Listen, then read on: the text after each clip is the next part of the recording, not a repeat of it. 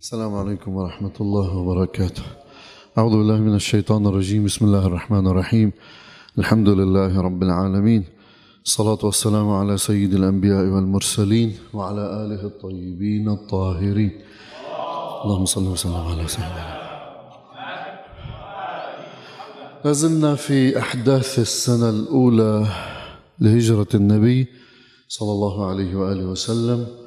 وبعدما استفضنا في الحديث عن نسائه ورد الإشكالات حول زواجه من بعض نسائه مما مر ذكره آه، يقولون بأنه شرع الأذان والإقامة للصلاة في السنة الأولى للهجرة.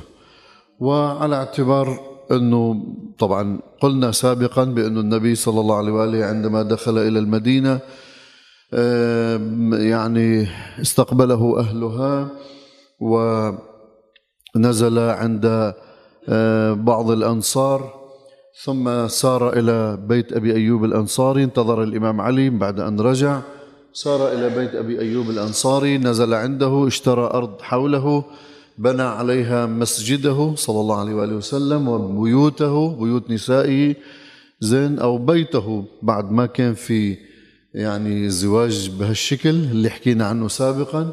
ثم تحدثنا عن المؤاخاة هل أهم الأحداث؟ يعني إحنا ما عم ننقل كل شيء جرى مع رسول الله سيرة تفصيلية. أهم الأحداث. من ضمنها هذه أنه شرع الأذان والإقامة في السنة الأولى. أنا أعتقد أنه شرع في مكة. هلأ بتشوفوا ليش. بس مع الأسف حشو التاريخ كما نكرر. آه، بيروي ابن هشام في سيرته أن رسول الله صلى الله عليه وآله عندما قدم إلى إلى المدينة وجد اليهود مثلا يستعملون بوقا للإعلام ليجمعوا الناس إلى وقت الصلاة والنصارى يستعملون الناقوس الجرس لجمع الناس. هم لا كانوا ينتظروا وقت الصلاة يجوا يتجمعوا من دون ما حدا يناديهم. فهون صاروا يحتاروا مين بياخذوا بياخذوا بيعملوا بوق بيجيبوا بوق مثل اليهود. والله بيجيبوا جرس مثل النصارى. وهذا مع الأسف عم لك التاريخ قد ما بده يشوه صورة الإسلام بصير يعمل هاي الحركات في المرويات. طيب بلا طول سيرة فيما وهم وفيما هم في حيرة من أمرهم وإذا بعبد الله بن زيد بن ثعلبة أحد الخزرج يأتي رسول الله ويخبره أنه نام ليلته ورأى وهو نائم قاعدين عم يتناقشوا كيف هذا عبد الله آه، ابن ثعلبة اغتم للأمر كتير مهتم نام شاف بالمنام رجل عليه ثوبان أخضران يحمل ناقوسا بيده فقال له يا عبد الله اتبع هذا الناقوس فقال له وما تصنع به فقال ندعو فيه إلى الصلاة فقال له أفلا أدلك على خير من ذلك؟ فقلت له بلى قال تقول الله أكبر الله أكبر أشهد أعلمه الأذان لمين علم الأذان؟ عبد الله جايب ناقوس بإيده شاف بمنامه رجل عليه ثوبان أخضرين قال له شو بدك بهالناقوس؟ قال له والله بدنا ندعي فيه للصلاة. قال له لا بدلك على خير من ذلك وعلمه الأذان. طيب. آه، قال إن اجى لعند النبي صلى الله عليه وآله وأخبر رسول الله أنها لرؤيا حق وأمر بلالا. النبي قال له هذه رؤيا حق.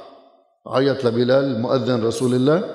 علموا اللي شافه عبد الله بمنامه فتعلمها وأذن بها بلال وكان هذا من أحسن ما سمعه المسلمين صوتا.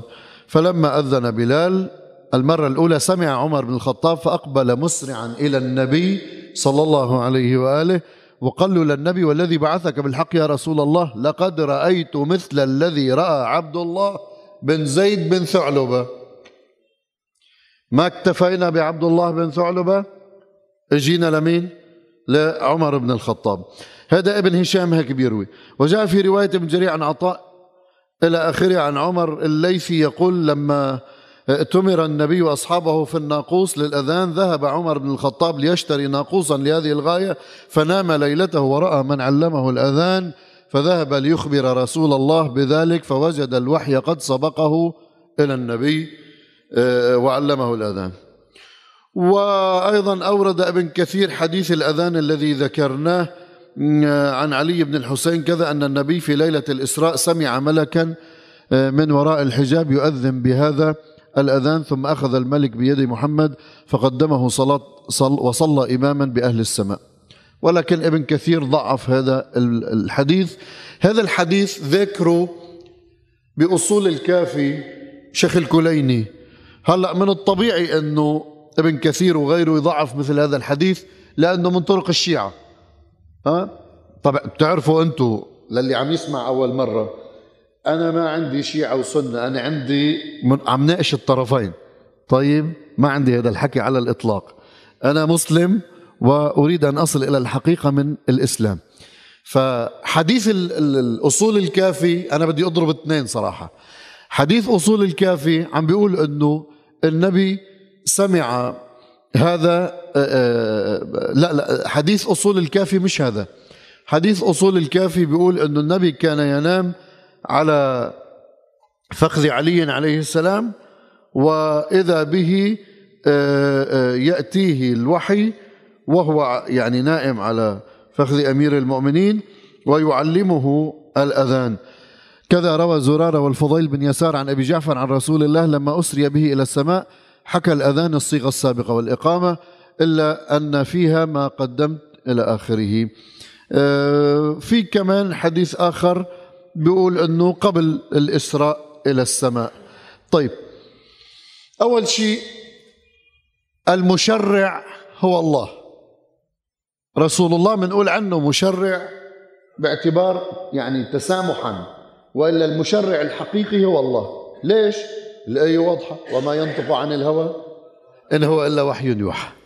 ثاني شيء الأذان مستحب استحباب أكيد وفيه أجر عظيم.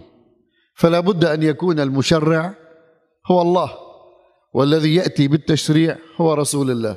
مش كلمة من واحد شاف منام بيجي بيقول لنا إياه بنصير بدنا نعمل تشريع. وإلا بصير دين منامات وإحنا بتعرفوا منهجنا. قديش عم تسمعوا عقائد كلها فلان العالم شاف بالمنام وفلان العالم شاف بالرؤيا وما شاء الله المنابر خصوصا منابر العزاء ومنابر إخواننا من أهل العامة ومنابر ومنابر. هي كلها حكاية. المنامات ليست دليلا على أي تشريع. أنت لو شفت رسول الله بالمنام صلى الله عليه وآله وقال لك مثلا أن يوم الاثنين صومه واجب. شرعا فيك تلتزم؟ واجب عليك تلتزم؟ لا. ليش؟ لأنه ما شرع في الإسلام. هذا منام والمنام لا تشريع فيه.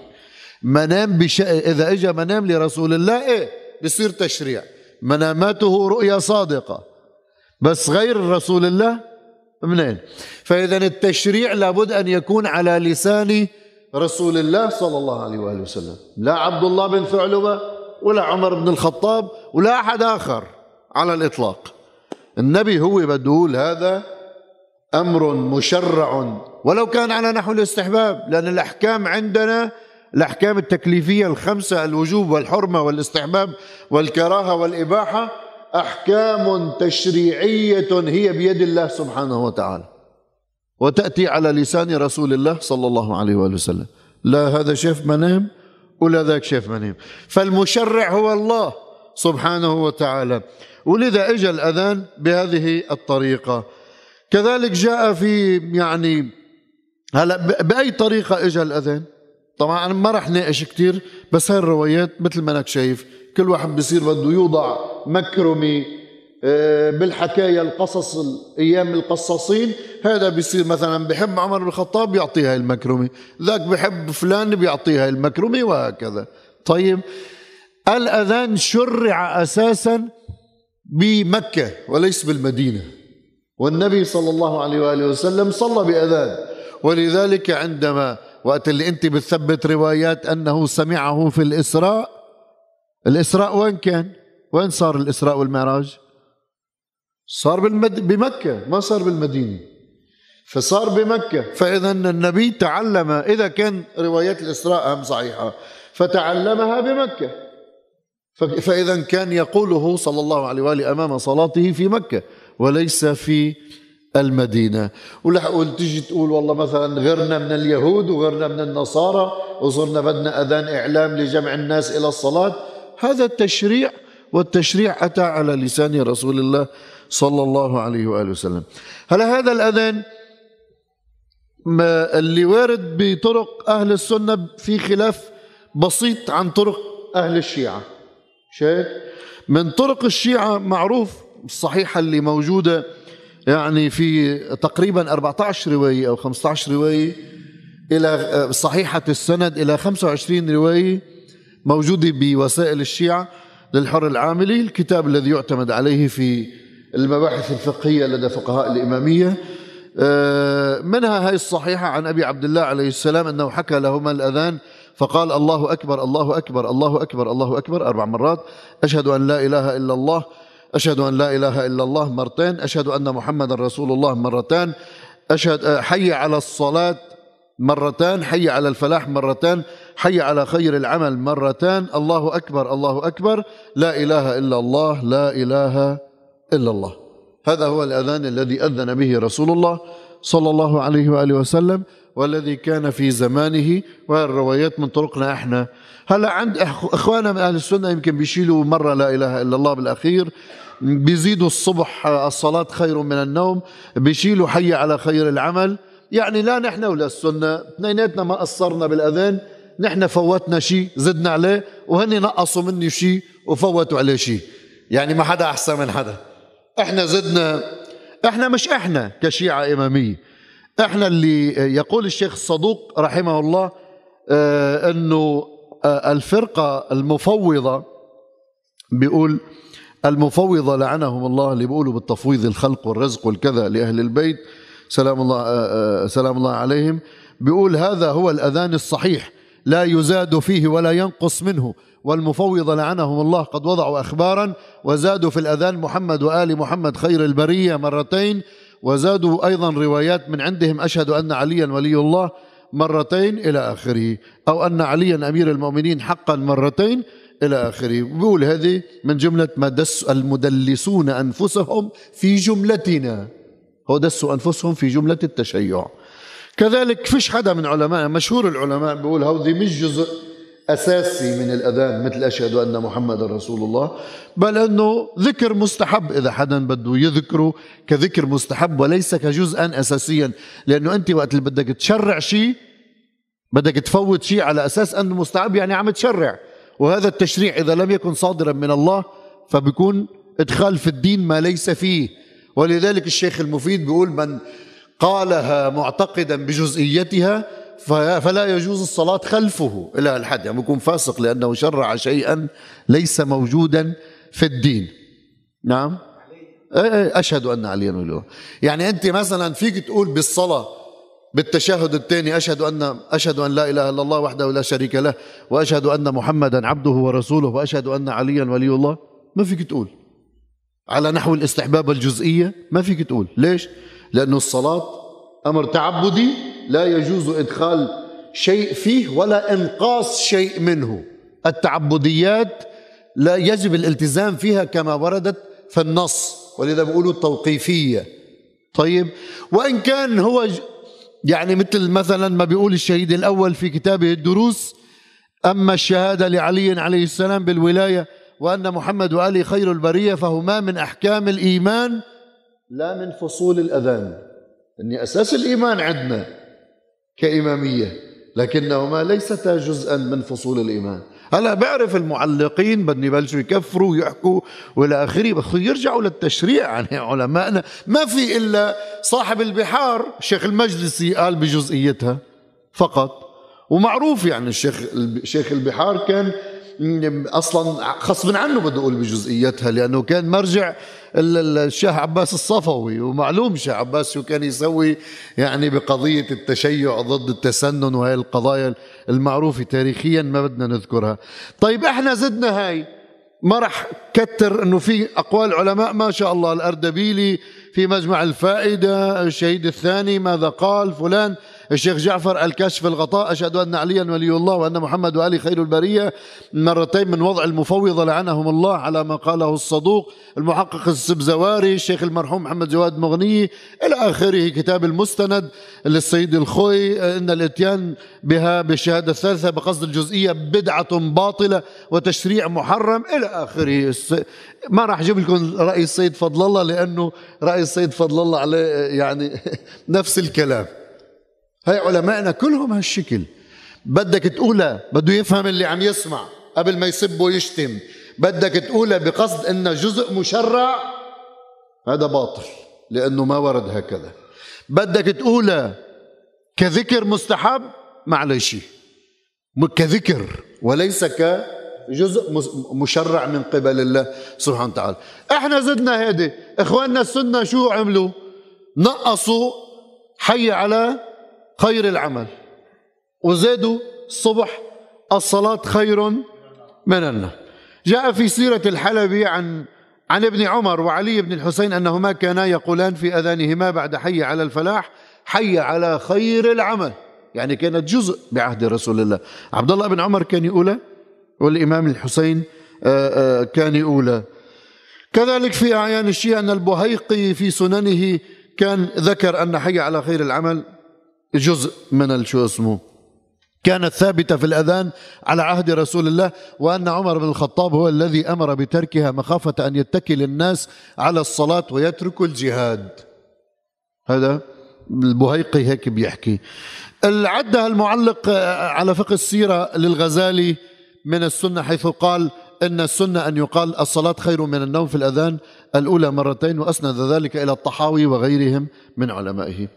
على كل حال أنت شايف في كثير روايات ما راح أدخل لك فيها كلها بس القصة إنه الأذان الذي شرع في زمن رسول الله صلى الله عليه وآله وسلم ما في لا الشهادة الثالثة ولا في الصلاة خير من النوم ولا منقوص منه حي على خير العمل بل فيه حي على خير العمل. بروايات الشيعة وباعتراف كثير من علماء السنة ونفس إقرارهم بأنه يعني عمر بن الخطاب هو الذي أزالها حتى لا يتكل الناس على الصلاة ويتركوا الجهاد في سبيل الله دليل على أنها كانت ثابتة ثم أنقصت. إذا بدنا نعمل وحدة إسلامية مثل ما كان يقول الإمام الصدر رضوان الله عليه حيا وميتا بدنا نجي لأذان موحد ونجي لصلاة موحدة ونجي لصوم موحد في أوائل الشهور بدنا شوي نرجع للأصول.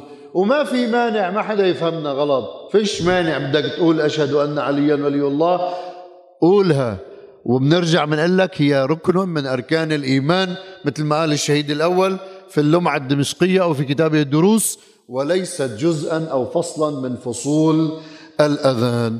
بتحب تقولها قولها بس لا تقولها على أساس التشريع بل على أساس ذكر مستحب لا أكثر ولا أقل. لذلك إحنا سيدنا رضوان الله عليه كان يعتبر الإقامة جزءا من الصلاة فكان ما يقولها على أساس أنه ما شرعت في زمن رسول الله أو في زمن الأئمة. ونحن ما بنقولهاش على هذا الأساس أنه الإقامة جزء من الصلاة ولا بد ومش أقول له والله واحد على كيف المفوضة. أنا إذا إجا واحد من المفوضة يقول بأنه أهل البيت يخلقون ويرزقون وأن الله خلقهم وفوض إليهم الأمر أمر الخلق والرزق والتشريع. وصار يحط روايات على كيفه بدي أني ألتزم بأمر المفوضة.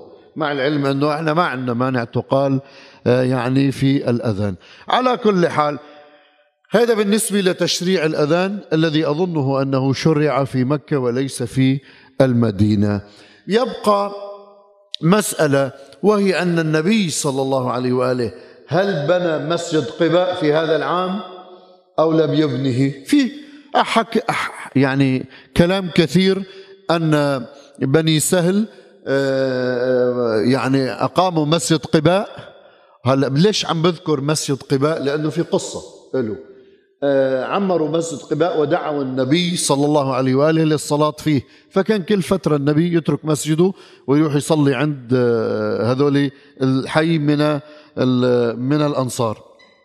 طيب ف بعد فترة إجوا المنافقين مش بالضرورة السنة الأولى بعد فترة إجوا المنافقين بنوا مسجد ضرار. هذا التسمية من الآية القرآنية.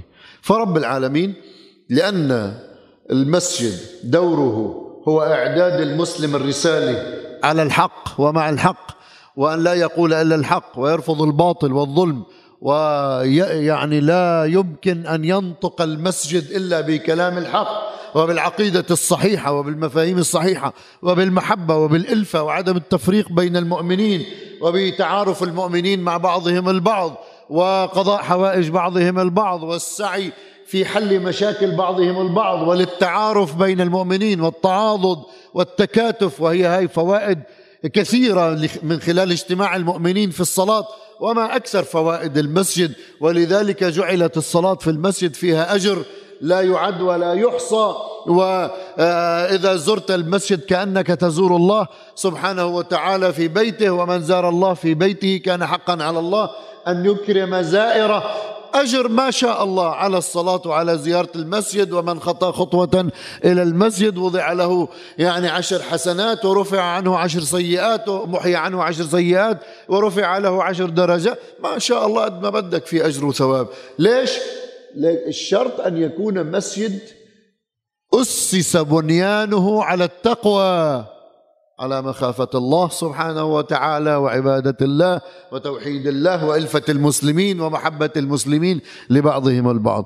أما المسجد الذي يفرق بين الناس مسجد الذي يخطب بالفتنة ويخطب بالتفريق بين المسلمين ويدعو يعني الحرب بين على المسلمين على بعضهم البعض أو يكون فيه إمام سوء أو خطيب سوء لا يقول إلا بالفتنة ولا يخطب بالعقيدة الصحيحة فهذا مسجد ضرار نبي نهى الله سبحانه وتعالى نهى ولذا قال الله سبحانه لمسجد أسس على التقوى من أول يوم أحق أن تقوم فيه. والذين اتخذوا مسجدا ضرارا من الضرر وتفريقا بين المؤمنين. هذول ليش؟ أنه بنو عمر بن كذا عندهم هذا مسجد إحنا لازم يكون عندنا مسجد. هاي مثل بعض المبتلى فيها بعض القرى إنه العائلة الفلانية عندها حسينية إحنا لازم يكون عندنا حسينية. العائلة الفلانية بنت مسجد هم إحنا لازم نبني مسجد. ما يمكن إنه إحنا نروح نصلي بمسجد العائلة الفلانية. شو الخرابيط هاي؟ مسجد مسجد صار بيت الله مو للعائلة الفلانية.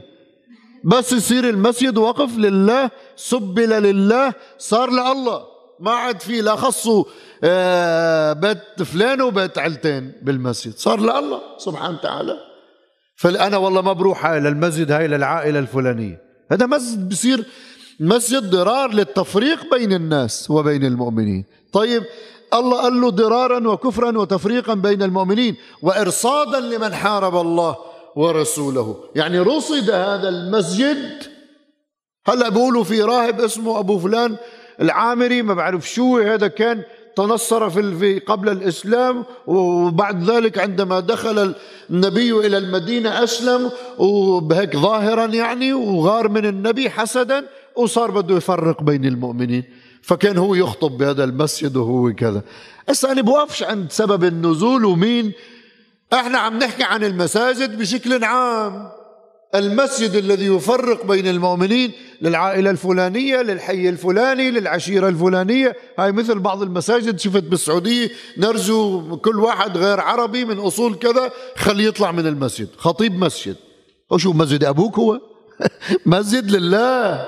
أنت ليش عم تزعب الناس غير سعودي وغير ما بعرف مين. هذا شفناه على على بعض شو اسمه الفضائيات أو بعض مواقع التواصل. على كل حال وإرصادا لمن حارب الله ورسوله من قبل. ولا يحلفن إن أردنا إلا الحسنى إحنا عم نعمل مسجد يا مولانا. إحنا عم نسوي مسجد لله. إحنا بدنا نفرق بين المؤمنين. بيحلفوا بألله إيمان مغلظة. والله يشهد إنهم لك لكاذبون. قال له الله لا تقم فيه أبدا لمسجد أسس على التقوى من أول يوم. أحق أن تقوم فيه فيه رجال يحبون أن يتطهروا والله يحب المتطهرين. هسه الله سبحانه وتعالى عم يحكي عن مسجد رسول الله. عن مسجد قباء بهاي الآية عن مطلق مسجد أسس على التقوى. يشمل الجميع. أي مسجد يقام على التقوى؟ فيه رجال يحبون أن يتطهروا من الجنابة يتطهروا من النجاسة يدخلون إلى بيت الله نظاف لأن النظافة من الإيمان. عليهم ريحة طيبة. زين ما بي يعني ما بيهلكوا المصلين ببعض الروائح هذا المسجد الله يحبه لأنه الله بيحب المتطهرين وبيحب المتقين وبيحب التوابين. هذه قصة مسجد قباء اللي عمر بشكل مختصر سواء عمر في السنة الأولى قبل مسجد المدينة يعني قبل ما يدخل النبي إلى داخل المدينة أو بعد مسجد المدينة أو في السنة الأولى أو في غيرها. قصته هي هذه ولكن ذكرت في ضمن أحداث السنة الأولى. يعني هذا يعني أكتفي بهذا المقدار والحمد لله رب العالمين.